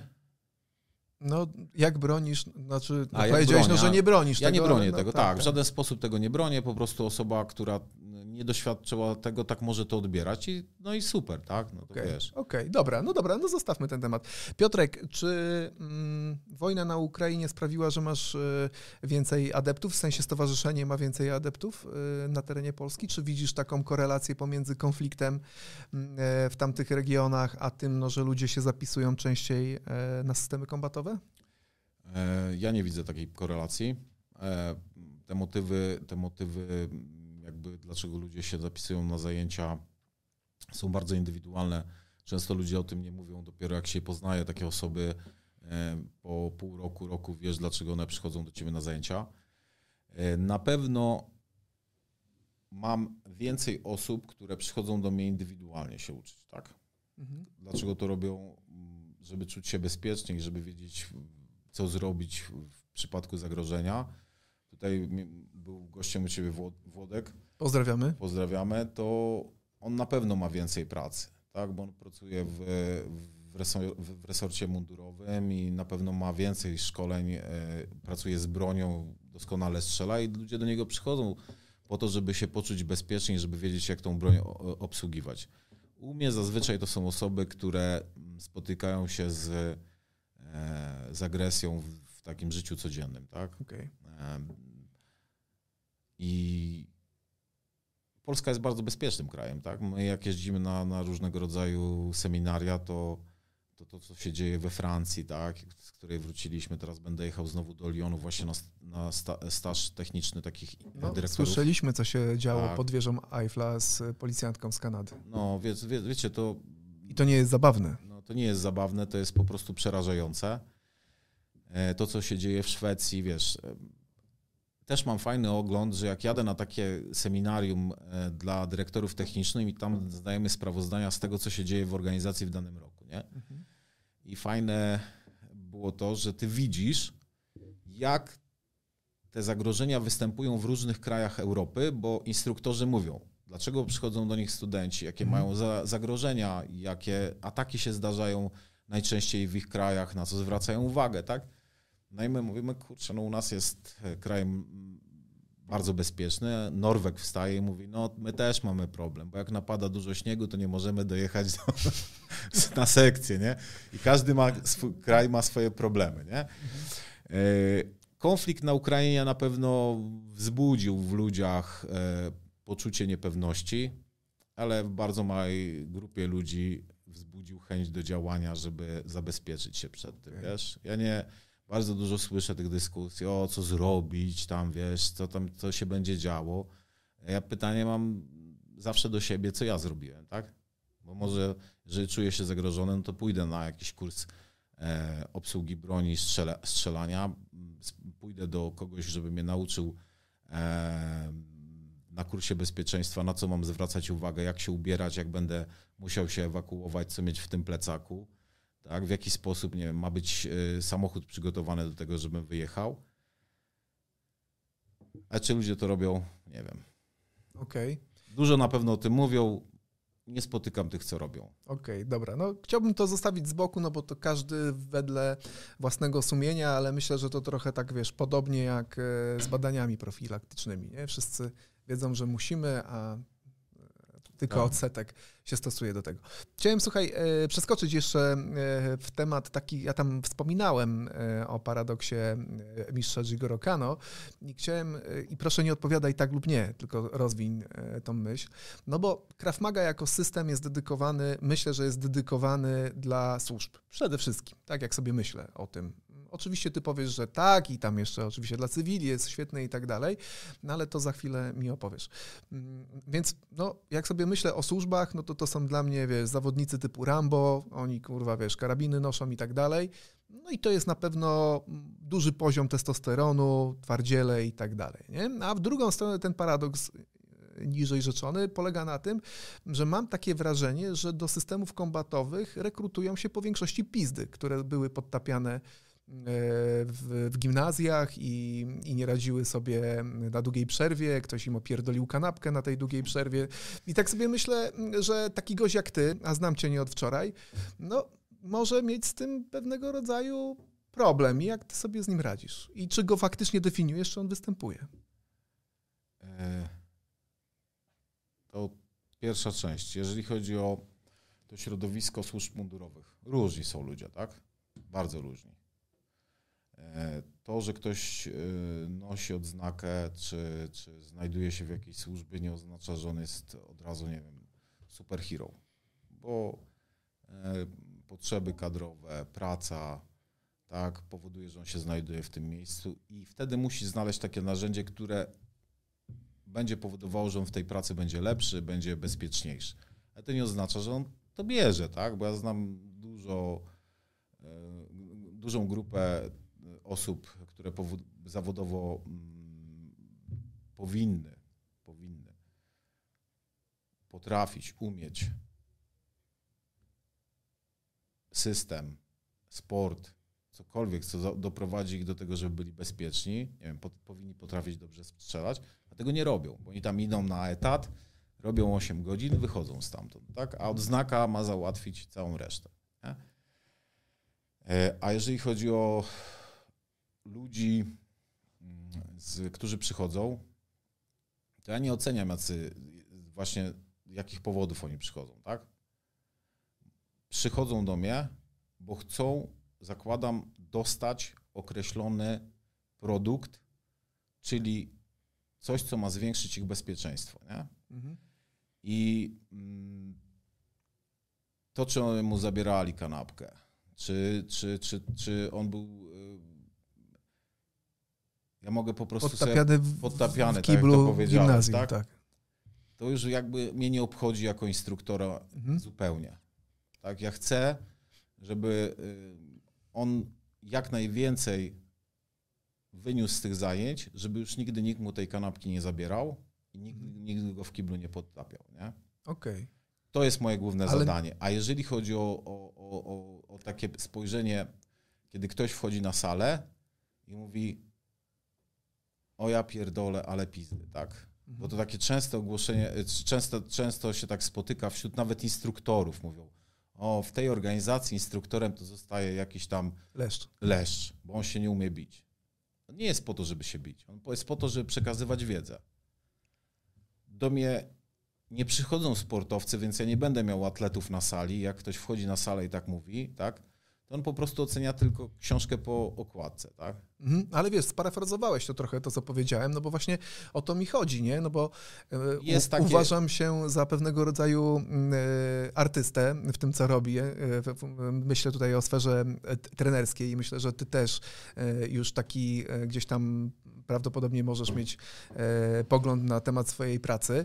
No i ten artysta, no no, wyrzeźbi no, taki posąg, no, jaki materiał mu się no, dostarczy też ostatecznie. No, czyli ja patrzę na ten nabór z punktu widzenia no, właśnie e, atletyczności, budowy ciała tych ludzi, którzy się e, no, najmują i mam wrażenie, że po prostu do sportu no, trafiają ci, no nie wiem czy mogę powiedzieć, tak, no, ale ci lepsi w cudzysłowie. Y, Nie wiem, bo my nie jesteśmy sportowcami, tak, przede wszystkim, Okej, a no, ja jestem lepszym artystą od ciebie, na pewno. tak? Czyli generalnie umiem obrobić ten materiał w taki sposób, żeby powstało dzieło sztuki. Rozumiesz? Rozumiem. I e, do mnie trafiali ludzie, sam dobrze wiesz, e, bardzo różni, których ty też znałeś. My mamy wspólnego kolegę Łukasza Muszyńskiego, tak? Również pozdrawiamy. którego po wyglądzie, nie wiem, nikt by nie dał pięciu złotych. Tak? Bo powiedział, o taki misiu chodzi sobie i tak dalej, a wielokrotnie po prostu on na kład e, no, no, na sparingach takich Herkulesów. Herkulesów, więc to nie ma żadnego znaczenia. To naprawdę Łącznie nie ma ze mną żadne- w tamtym czasie. Na, na, na, żadnego znaczenia to nie ma. Naprawdę nie ma to żadnego znaczenia. Ważne jest to, żebyś ty spojrzał na tego człowieka, który do ciebie przyszedł i określił jego potrzeby i pogadał z nim, jakie są jego potrzeby. Jeżeli jego potrzebą jest to, żeby on się nauczył tego systemu, żeby się czuć bezpiecznie, to go nie oceniasz pod względem psychicznym, nie oceniasz go pod względem jego historii, tak? ale masz ją z tyłu, z tyłu gdzieś tam w głowie, bo dla kogoś może to być bardzo duże przeżycie traumatyczne, jeżeli on był, nie wiem, e, molestowany, napastowany, tak? I ciężko mu się jest potem pozbierać po tym. I ty mu chcesz pomóc, tak? Po, dro- po drodze jesteś takim trochę e, terapeutą, bo, bo, bo na treningach e, ćwiczymy takie psychodramy właśnie, czyli inscenizowane scenki. I czasem ja mam takie sytuacje, gdzie wiesz, przychodzi do mnie kobieta i mówi, po pół roku mówi, wiesz co, ja przyszłam do ciebie dlatego, że ja byłam ofiarą próby gwałtu. Nie? I chciałabym to teraz po pół roku przerobić. Tak? Czyli chciałabym się znaleźć w takiej sytuacji na treningu. Nie? I ja jej nie mogę ocenić pod tym względem, jak ona wygląda, co ona robi, co robiła wcześniej, tak? Bo ja jestem jej tutaj po to teraz, żeby z nią to przepracować, pomóc jej w tym, żeby ona się poczuła bezpiecznie, że jak drugi raz dojdzie do czegoś takiego, to już będzie wiedziała, jak się zachować. Może to jej, nie wiem, nie, nie, nie, nie uratuje e, e, przed gwałtem, ale może uratuje ją to przed tym, żeby nie straciła życia Mhm. tak? Bo y, to też jeszcze trzeba sobie rozróżnić róż, ró- różne elementy napaści, tak? No i teraz e, w sporcie przychodzą ludzie, którzy trenują, są oddani temu, bo mają zawody. O tym, czy wygrają, decyduje nie tylko ich technika, ale ich szybkość, motoryka, e, siła fizyczna, tak? Tutaj na zajęciach tego nie mamy. Dlatego ludzie wyglądają po prostu, jakbyśmy byli w jednej dużej, wielkiej korporacji i jak pojadę na takie em, obozy czy szkolenia, to mam przekrojowo ludzi. Sportowców, komandosów, ludzi, którzy pracują w biurze i e, ludzi, którzy pracują w domu, nie? Mhm. I wszystkich muszę tak samo traktować. A to postrzeganie zewnętrzne właśnie, o, bo to to trenują tacy, a to to trenują tacy, tak? No trenują dlatego, że oni mają inny cel, tak? Moim celem jest zdobycie e, mistrzostwa na olimpiadzie, a moim celem jest to, żebym umiał się obronić w dyskotece, a moim celem jest to, żebym umiał odebrać broń, a moim jest celem to, żebym umiał skajdankować kogoś, tak? I Nie muszę mieć do tego absolut, absolutnie jakichś nie wiadomo jakich gabarytów, tak? Muszę się umieć odnaleźć w tym, co mam. I dopiero jak mam to, co tutaj przed sobą, e, przychodzi ktoś do mnie, to ja dopiero na treningach zakładam sobie, że zwiększę jego motorykę, sprawność fizyczną, będzie umiał szybciej biegać, szybciej kopać. Wiesz, to jest jak gdyby cel tego trenera, ale absolutnie ja już jakby wyrosłem z takiego oceniania, że ktoś jest pizdą, czy nie jest pizdą, bo wielokrotnie w życiu przekonałem się, że, że taka ocena może powodować, że potem dostajesz ciężkie baty i to, wiesz, e, na sekcji u Plesiewicza było to bardzo fajne e, w judo, kiedy przychodzi młody chłopaczek, e, ja już się tam przewracam na tej sekcji, przychodzi młody student, zakłada kimono i nagle się okazuje co? Że on od ósmego roku życia jechał judo, tak?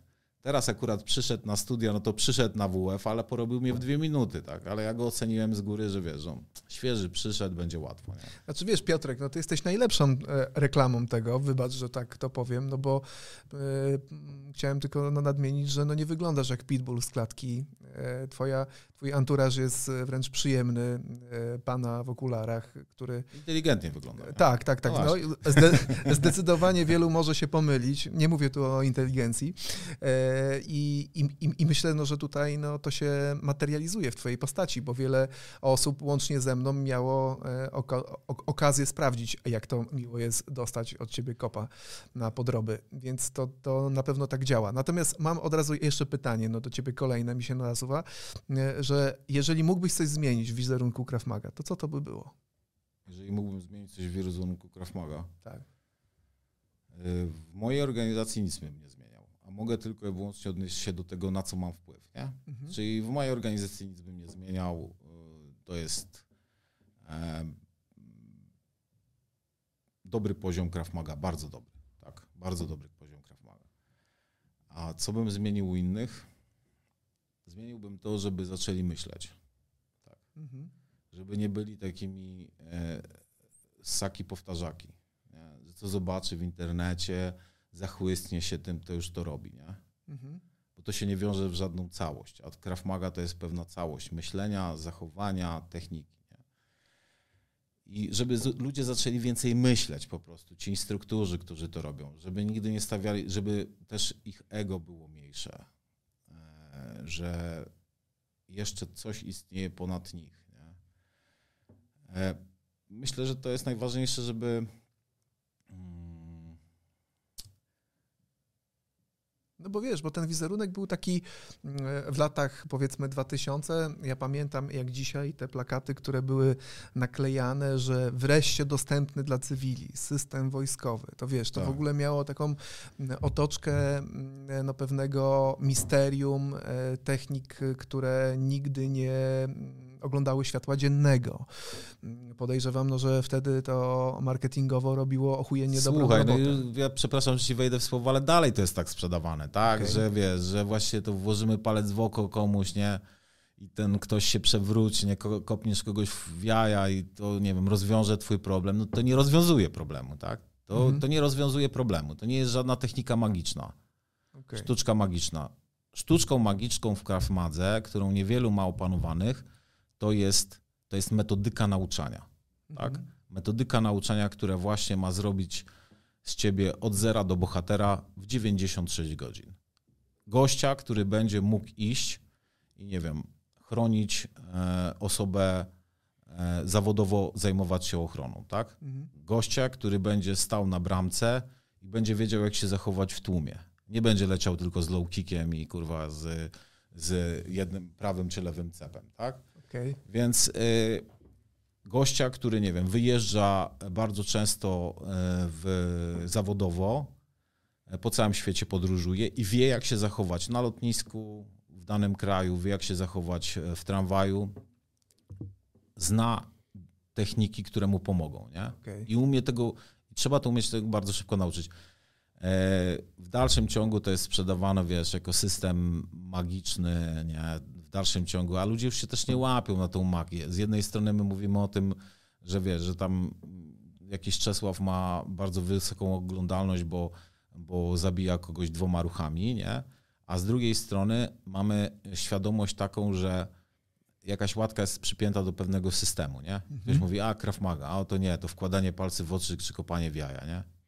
Taka okay. łatka jest przypięta, bo po prostu kolesie przypinają to w dalszym ciągu, żeby sprzedawać swój produkt, ale mówię, w większości oni nie mają pojęcia, nie? Okej. Okay.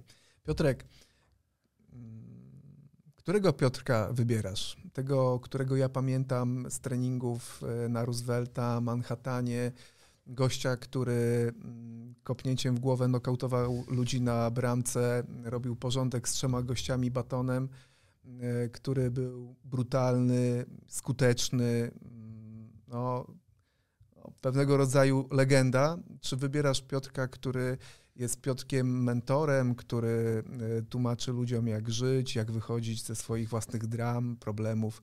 Którego Piotrka wybierasz? Słuchaj, ludzie się nie zmieniają, tak? E, pierwsza rzecz, ludzie się nie zmieniają, tylko są w określonej sytuacji, muszą być tacy w określonej sytuacji. E, ja w dalszym ciągu preferuję trening bardzo mocny i ciężki. Trening bólowy, tak? Ja przez to sam mam wiele kontuzji, ale mocny, ciężki trening bólowy. E, ze mną ludzie, którzy ćwiczą, wiedzą, że nawet jeżeli ja pokazuję technikę, to wszyscy się śmieją, że jestem królem delikatności, nie? Ale jeżeli nie mamy tego elementu bólowego, to nie mamy, to nie wiemy, z czym to się po prostu je. Jednym z tych elementów w walce musi być to, że ty to odczuwasz. Jeżeli chcesz iść na aerobik, proszę bardzo, kluby fitness, zapraszamy, nie? Chcesz iść na karate, w którym będziesz ćwiczył formę i masz określoną, e, określone zasady, proszę bardzo. Tutaj masz odczuwać, że jak coś robisz, to to, to, to działa. To jest pierwsza rzecz. E, oczywiście z wiekiem się człowiek zmienia, tak? Zawsze łagodniejesz. Ja też nigdy nie byłem osobą, która szukałaby konfliktów, tylko poprzez to, i dobrze wiesz jak to było, poprzez to, że y, łagodnie wyglądałem, to kurde, miałem tego pecha, że jak ktoś się sadził, to mówił, o, ten gruby w okularach najlepsza będzie droga. najlepsza droga, przejedziemy się po nim, tak? Kurwa, gruby ciapa w boksach, ale duży, to jak e, wiesz, wiesz, to będzie długo leciał. Tak, będzie długo leciał i tak dalej, taka y, ten, no to, no to po prostu musiałem się konfrontować z tymi ludźmi, nie? Ale pracując przez wiele lat na przykład e, w klubie e, Forum Fabrikum, gdzie było trzech ochroniarzy, jeden jeden e, to się nazywał inkasent biletów, teraz to się nazywa e, selekcjoner. Tak. Stasin, co nie podpowiadasz? Mm, to e, na te imprezy przychodziło po 2-3 tysiące ludzi. Mhm. Nie? Jak ja bym się z każdym bił, to był wariatem. Musiałem umieć rozwiązywać te problemy w inny sposób, tak? Żeby wyprowadzić kogoś, żeby, żeby była cisza, spokój na tej sali. Oczywiście, kiedy trzeba było walczyć, to trzeba było walczyć, nie? Ja pamiętam swoją pierwszą akcję, powiem wam, to jest taka no, gruba akcja, kiedy kolega Bartek i Antares mówią do mnie, słuchaj, wiesz co, nie chciałbyś dorobić parę złotych? Ja mówię, no chciałbym, nie? A ile? No 50 zł za noc. Ja mówię, dobra. To idziemy do klubu na Węglową. E, ulica Węglowa w Łodzi, przy dworcu fabrycznym, poszliśmy tam, wchodzimy, kurczę, taka wiecie, spelunka, nie? Ja mówię, no ale w czym jest problem, nie? A on mówi, no tu nigdy nie było ochrony i tu bawią się tacy chłopaki, wiesz, tacy, no, miastowi, nie? Ja przyjechałem z innego miasta, więc dla mnie to nie byli chłopaki miastowi, bo ja nie miałem, kurwa, ja ich nie znałem, nie? Więc nie wiem, kto z kim trzyma, kto z kim się zadaje, tak? To nie są leszcze. To nie są leszcze i tak dalej, nie mam pojęcia zielonego, nie? Więc siedzimy, mówi, na razie to tylko sobie usiądziemy i będziemy obserwować, co się dzieje, nie? Mhm. No dobra. Siedzimy, tak wiesz, obserwujemy. No ale chłopaki też nie gapy, nie? Popatrzyli, mówią, kurwa, ktoś przyszedł, będzie przejmował klub, nie? No i wiesz, e, Antares do mnie mówi tak, słuchaj, wiesz co, weź usiądź tak przodem, do, wiesz, usiądź przodem do sali, bo siedzisz plecami, nie? Ja tak biorę krzesełeczko, wiesz, żeby się przesunąć, a tu nagle krzesełko leci z góry na mnie, nie? E, no i taka awanturka, wiesz, minutowa, nie? Zazna oni zaznaczyli swój teren, my e, potem gadka, szmatka, no i dobra, wszystko jest teraz w porządku. No ale za dwa czy trzy dni następna impreza. Teraz my już idziemy tam jak na bramkę, nie? Już będziemy mieli płaconą kasę, te pięć dych za te, te całe pięć dych będziemy płaci, mieli płacone za to, żeby chronić tych ludzi w tym klubie, nie? Dzwoni do mnie, koledzy do mnie dzwonią, mówią, słuchaj, pójdziesz sam, ponieważ my jedziemy na szkolenie do Szwajcarii, więc ty pójdziesz sam. Jest impreza zamknięta, to osiemnastka i pójdziesz tam sam.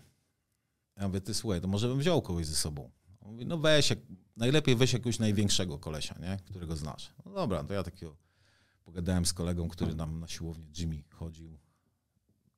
Wiem, że jest silny, duży chłopak, nie? Idziemy na tą imprezę. No to impreza jest zamknięta, taka krata była. Zamykamy tą kratę, no ale wpada towarzystwo, nie? wpada towarzystwo, mówi, otwórz tą kratę. Ja mówię, nie no, nie otworzę, nie? Zawołaj szefową. No i ta podchodzi, ta szefowa metr 50, nie? I on człowieku przez tą kratę chwyta ją za szyję. ja miałem batona, tego batona otworzyłem mu na ręku. No, wiesz. No i wiesz, już się zaczęło, zabijemy was, koniec, nie, po nas. Ale na szczęście nie było telefonów komórkowych, więc oni nie mogli zadzwonić do tego, żeby ekipa się zjechała na raz. Tylko tak, ci poszli, bo czekali długo na, długo na ekipę, więc przyszli następni, nie? No i wiesz, przychodzi następny bardzo dobrze ubrany chłopak, pamiętam jak gdzieś, blondynek w kożuszku. No i mówi tak, wpuść. Ja mówię, nie, nie wpuszczę cię, jest impreza zamknięta. On otwiera kożuszek, pokazuje mi rewolwer i mówi, słuchaj, wpuść mnie. Jak mnie nie wpuścisz, to ciebie rozpierdolę, to imprezę rozpierdolę. Koniec. Mówię, robiłem szantaż przed bronią, tylko jest problem. On jest za kratą. On jest za kratą, nie wiem co zrobić, nie? No i negocjacje. negocjacje, wiesz, gadka z kolesiem, jedna, druga. Dostał dwa papierosy Malboro, poszedł na górę. Na górze był skłot. Zaczął strzelać tam, na tym skłocie z broni do, do tych głośników, do czego się mieli tam na, górze, na muzykę, zaczęli wybiegać. E, była, zadzwoniliśmy po e, policję. Mnie ktoś zadzwonił po prostu z tych na górze, którzy tam był, te były te strzały. Słuchaj, policja przyjechała, nie wjechała na podwórko, tylko stanęła przy dworcu. Ja wyszedłem do nich. Stało się coś, nie, no dobra, to jedziemy. Tyle było, taka była interwencja nie, wtedy. E, za chwilę mój kolega, który ze mną przyszedł, mówi tak, masz te 50 zł, zostajesz sam. Ja się w to nie bawię. Stary, ja się w to nie bawię, ja nie chcę stracić życia. Ja zamykam tą kratę i mówię, Jimmy, niestety zostaje ze mną do końca. We dwóch lepiej wyglądamy, ja już sam to wiem. Ja już mówię, tutaj na tej sali tam się bawiło ze 200 osób. Zwrotu nie ma. Ze, ze 200 osób trzeba było co chwilę jakiegoś pijanego uspokajać. Mówię, to nie, no to w ogóle już będzie rzeźnia, nie? Ale słuchaj, przeżyliśmy tą noc, e, zakończyło się to dobrze. Tam jeszcze była, wpadła ekipa, kiedy krata była otwarta na, na mm, środek sali. Jak dziś e, ten, pamiętam chłopaka, który przyszedł, w skórę ubrany, duży, bardzo duży facet, e, miał wytytułowane tutaj na czubku głowy słońce Henry'ego Rollinsa, takie samo jak pamiętam i ale pogadaliśmy, on, dobra, wychodzi. Pytał się tylko, czy byli jego koledzy. My oczywiście nie, nie byli. To chyba nie ten klub. Stary, to nie ten klub. Więc udało nam się przeżyć tą nockę. No i potem poszedłem za tydzień do pracy już ze swoimi kolegami, żeby tam na bramkę i co się okazało, że klubu już nie ma. Że ekipa wpadła, wiesz, baseballami. Rozmontowała. Rozmontowała cały klub, także klubu już nie było, nie? Także moja pierwsza przygoda z bramką i e, to, jak mi ktoś groził bronią palną, to był największy hardcore. Naprawdę, przez kratę jeszcze. No ale to też, wiesz, w pewien sposób też człowieka hartuje, tak? Zaczynasz wierzyć w siebie trochę. Bo, bo, bo, bo masz tą umiejętność, żeby też rozmawiać z ludźmi, tak? Bo to jest ważne. Każdy się może zawsze bić, nie? To nie trzeba żadnej filozofii, żeby podnieść ręce i walczyć. No, filozofii potrzeba do tego trochę, żeby rozmontować tą sytuację kryzysową, żeby ludzie po prostu rozstali się w pokoju, nikomu nic się nie stało, nie? Także Na tym polega sztuka. Na tym polega sztuka i do tamtych czasów nie chciałbym już wracać. Nie chciałbym już wracać, wolał, wolę swoje życie w tej chwili, jakie mam, czyli mm, przekazywanie wiedzy ludziom, e, nauka ludzi. Ale oczywiście robię to w oparciu o swoje wszystkie doświadczenia, no bo to, to wiesz, to jeżeli teraz będę robił seminarium w dyskotece, mhm. no to ja teraz nie muszę się zastanawiać nad filmami, oglądać ich w internecie, tak? Ja sobie odtwarzam w głowie to, co było, nie? I wiem, wiesz, ludzie się nie zmieniają. Jak to wygląda, jak, to wygląda, jak, jak, jak się taka awantura zaczyna, od czego ona eskaluje, e, jak muszą się zachować ochroniarze, żeby to e, rozmontować, ilu ich musi być, jak musi zachować się potencjalna ofiara, gdzie się udać, a nie, nie to, żeby się stawiać, bo ona, wiesz, bardzo często jest tak, że w miejscach, w których ty się wychowywałeś, wiesz, kto kim jest. Tak?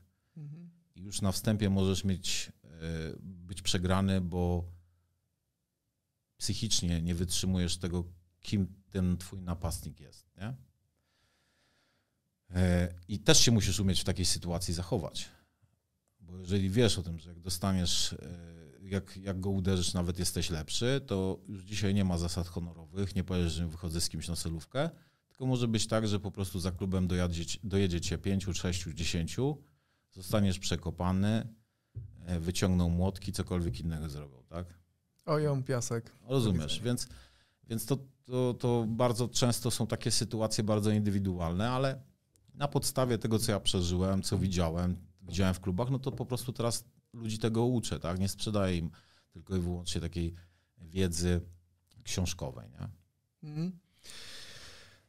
No, to są, to są takie kowbojskie e, przygody, też bym do nich nie chciał wracać. E, to też otwiera w ogóle jakiś ciężki segregator z tematami, wiesz, pod tytułem, że mm, ta agresja i przemoc jest rozwinięta do tego stopnia, że już niektórzy napastnicy robią to z rozmysłem, bo jak chcą kogoś wysłać na tamten świat, to jeżeli to robią w pięciu, to w ogóle odpowiedzialność rozmywa się, mm, ciężko kogoś posadzić i tak dalej. No więc problem na tym polega, że mm, te patologie już się mocno formalizują i, i mają też e, swój pomysł na to, jak zrobić, żeby uniknąć największego wymiaru kary. Oczywiście, że tak. Ale do tego segregatora nie chciałbym zaglądać dzisiaj e, z Tobą.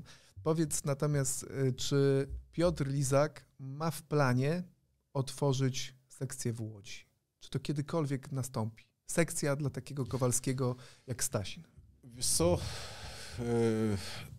tak, mam w planie otworzyć sekcje, ale to nie będą takie sekcje e, bardzo duże. Mhm. To nie są liczne sekcje, nie?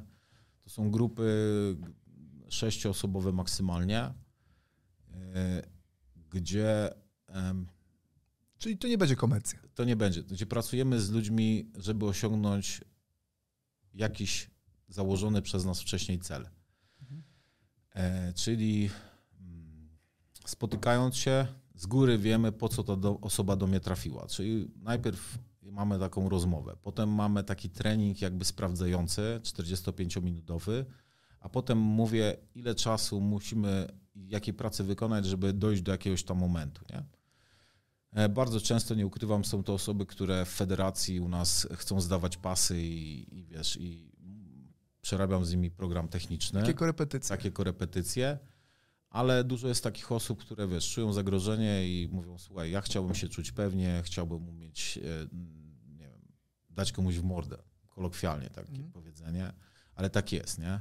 Tak to bardzo często jest, że ludzie e, nie przychodzą i mówią, a wiesz, bo ja się chciał nauczyć tam e, tutaj, jak mnie ktoś w parku zaatakuje, nie, no wiesz co, nie, ja to tak mnie mój szef to mnie tak irytuje, nie? że ja bym chciał tak w takiej sytuacji dać mu w mordę. Nie? Na przykład, tak po, powiedzenie jednego z moich studentów. Nie?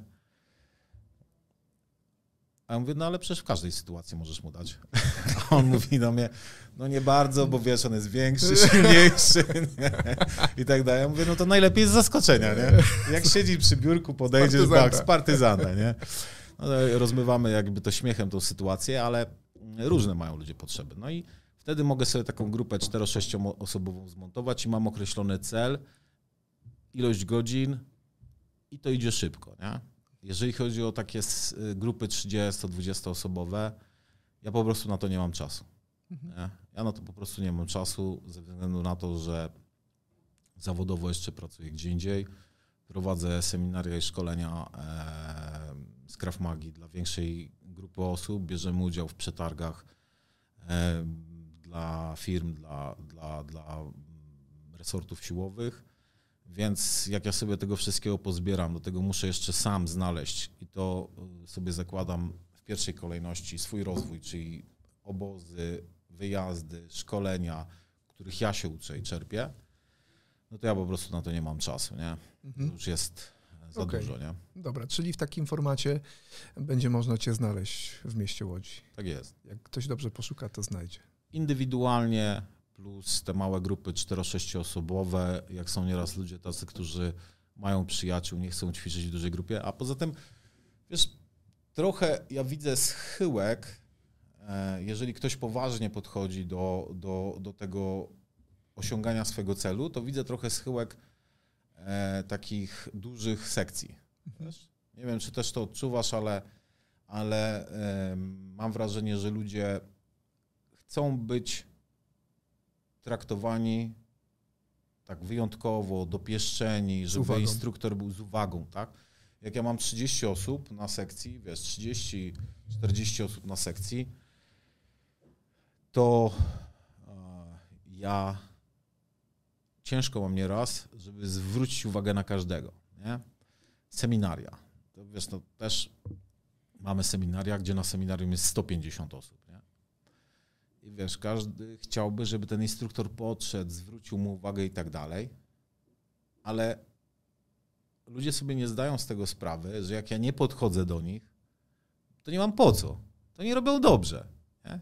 A Oni nie robią dlatego, dobrze. że ich olewasz. A nie, ich, że, że ich olewam. Nie jest 150 osób na sali, 30 potrzebuje pomocy, ty nie potrzebujesz tej pomocy. Jak będziesz jej potrzebował, to ja podejdę i ci powiem, robisz źle. Tym bardziej, że jeszcze osoby, które mnie znają, to wiedzą, że ja podchodzę i mówię, robisz źle, tak? Mhm. Jak pytają się, dobrze zrobiłem dobrze, ja mówię, nie, nie dobrze. E, I też w moim programie, jak gdyby takim, w, moim, w mojej metodzie nauczania jest to, że Krav Maga robi się na poziomie złym, czyli technika jest wykonana źle, definitywnie źle, wystarczająco albo bardzo dobrze. Tak? Nie ma tutaj elementów pośrednich. Jeżeli ktoś robi wystarczająco, to ma szansę na to, żeby w długim, e, w jakimś tam czasie rozwinąć tą technikę, żeby ją robić bardzo dobrze. Ale ona jest wystarczająca po to, żebyś się dzisiaj obronił, jak wyjdziesz z tej sali. Jeżeli ktoś robi źle, to ja na to patrzeć nie mogę i najczęściej bardzo szybko podchodzę do takiej osoby, mówię, bez względu na, jako, na to, jaki ma stopień i, i, i no, że po prostu nie daje sobie rady, tak? Bo ludzie często mają takie wyobrażenie, że jak tam sobie, wiesz, coś po swojemu zrobią, to znaczy, że to jest dobrze. No nie, nie jest dobrze. E, więc mm, Okej, w tą stronę. tak, w tą stronę idziemy. No. Piotr, to jest e, kawał historii. Słuchaj, e, widzowie na pewno nie wiedzą, ale ja swoją przygodę w 2000 mm, chyba czwartym albo może piątym, ale chyba czwartym, czwartym roku, roku. e, otworzyłem e, sekcję Strefa Walki na Hojnach za twoją sprawą. Ty mnie namówiłeś do tego. Pamiętam e, ten wieczór w klubie bodajże Paradox. To był klub, kiedy staliśmy przy barze, mm, ja w pracy, ty nie. E, I mnie namawiałeś do tego, żebym otworzył sekcję, która potem trwała naście lat w tym miejscu.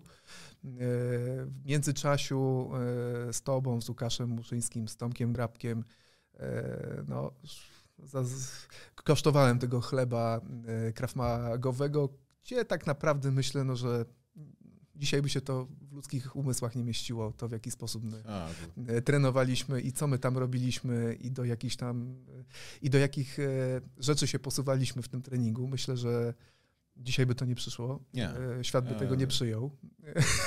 Dzisiaj już był prokurator.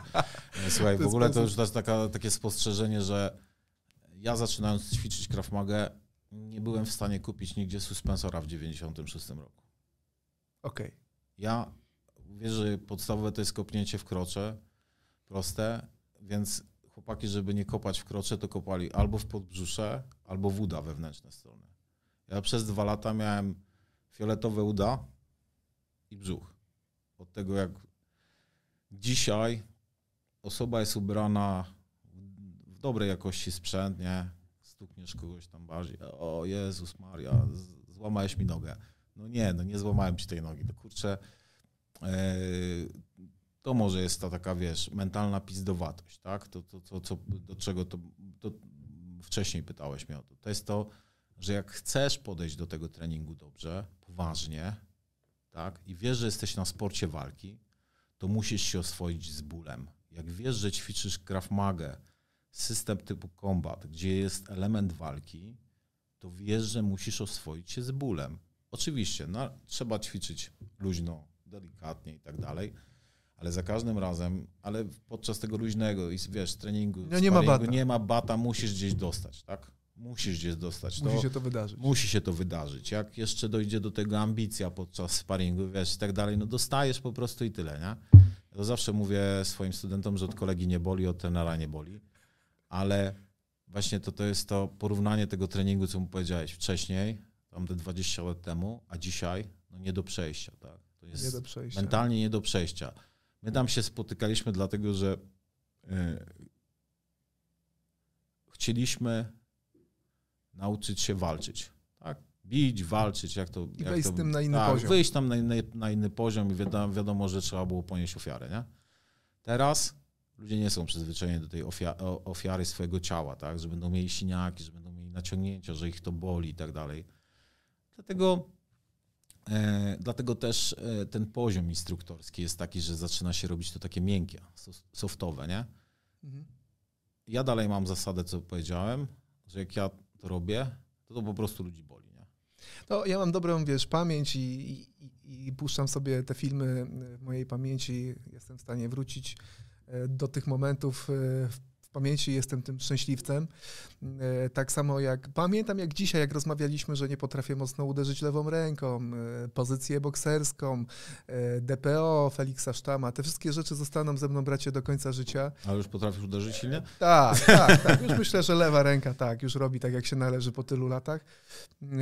Tak więc chciałem Ci za te chwile podziękować. One zostaną, tak jak powiedziałem, ze mną do końca życia, stary, bo no, to jest taka niezapomniana szkoła. Myślę, że mundurowy by powiedział, że to taka unitara była, która no, wielokrotnie w życiu y, mi pomagała. Nie? To tak jak mówiłeś, że no, też mogę się pochwalić paroma takimi kryzysowymi e, chwilami i dzięki temu, że robiliśmy to w takiej formule, jaką przyjmęliśmy w tamtym czasie, to myślę, że dlatego dzisiaj gadamy no, ze sobą, bo no bo, bo, bo inaczej było. doskonale wiesz, że też miałeś, miałeś, miałeś jakieś tam przejścia z osobami, e, które e, atakowały cię różnymi narzędziami. E, I nie umiałeś tej wiesz, techniki doskonale, tak? Ale poprzez to, że ćwiczyliśmy, miałeś tą świadomość. No, coś muszę jeszcze powiedzieć. Słuchajcie, bo to jest hit. Pamiętam, jak dzisiaj e, spotkaliśmy się u ciebie chyba Piotrek e, i wtedy mieliście taką korbę na pistolety. Tam robiliście jakieś tam szantaże z Łukaszem, z Tomkiem, e, strasznie się bawiliście pistoletami. Któryś z was, kurwa, kupił pistolet na kulki. No. I pamiętam jak dzisiaj, ty chyba wpadłeś wtedy do akademika, ja coś tam robiłem przy komputerze i coś tam mówisz cześć, ja tak cześć, odwracam się na tym kręcącym się fikole i mi słuchaj z, tej, z tego pistoleta na kulki w jaja kurwa wystrzeliłeś dwa razy. Więc poziom żartów był kurwa wybitny wtedy. Ale, ale nie bolało. No nie. Od kolegi nie boli, nie? Słuchaj, no to wiesz, to ja ostatnio śmiałem się z moim kolegą Włodkiem, że kiedy mieliśmy, nie wiem, wejścia do pomieszczeń z bronią ASG, która jeszcze wtedy nie była znana, ale, ale jakoś szeroko znana i nie było znane ochraniacze ochronne w ogóle do tego, a może inaczej. Były znane, ale nikt do tego nie przywiązywał tak dużej uwagi. Nasz Włodek prowadząc szkolenie mówi tak, słuchajcie, robimy dwie drużyny. No dobrze, jak? Jedni zdejmują koszulki, drudzy są w koszulkach, nie? I bieg, wiesz, biegaliśmy do siebie, strzeliśmy z tych ASG, nie? Bez okularów, e, wiesz, kurde, wychodzisz taki te bąble na ciele, nie? Wybroczyny. Mówię, kurde, teraz sobie to przypominam, jadę na jakieś szkolenie, wszystko BHP, okulary, rękawice, żeby się nikomu nic nie stało, tak? I tak, a wtedy, no, chłopaki, jedziemy. Jak to będzie wyglądać? Zdejmijcie koszulki, będzie widać, czy dostał. Pamiętam Tak. jeszcze te y, akcje na Roosevelta, pamiętasz, robiłeś e, trening i wtedy ja jeszcze byłem czynnym praktykantem judo i robiliśmy, i ty mówisz do mnie, dobra, to poćwiczymy teraz obrony przed wejściami w nogi, nie? I tam był parkiet, pamiętam, ja sobie założyłem normalnie judogę, klasycznie, robiłem te wejścia i pamiętam, słuchaj, jak dzisiaj, jak po tym treningu zrywałem takie duże plastry skóry, kurwa, z palcy i z pięt, no tak byłem Bo- zaangażowany, że bo wiesz, były- parkiet ciął mi, słuchaj, nogi. Były to, był, był parkiet, nie? Był parkiet, tak. No, Tak tak więc- normalne, nie? Tak że więc, Piotrze, Nikt nie myślał o tym, żeby sobie kupić matę. No wiesz, macie, kurczę, mata to wtedy w Łodzi była w trzech miejscach, tak? na rozłożona. Lindleya i tam dwóch jeszcze Także innych, na Politechniki i na... to jest nie, nie...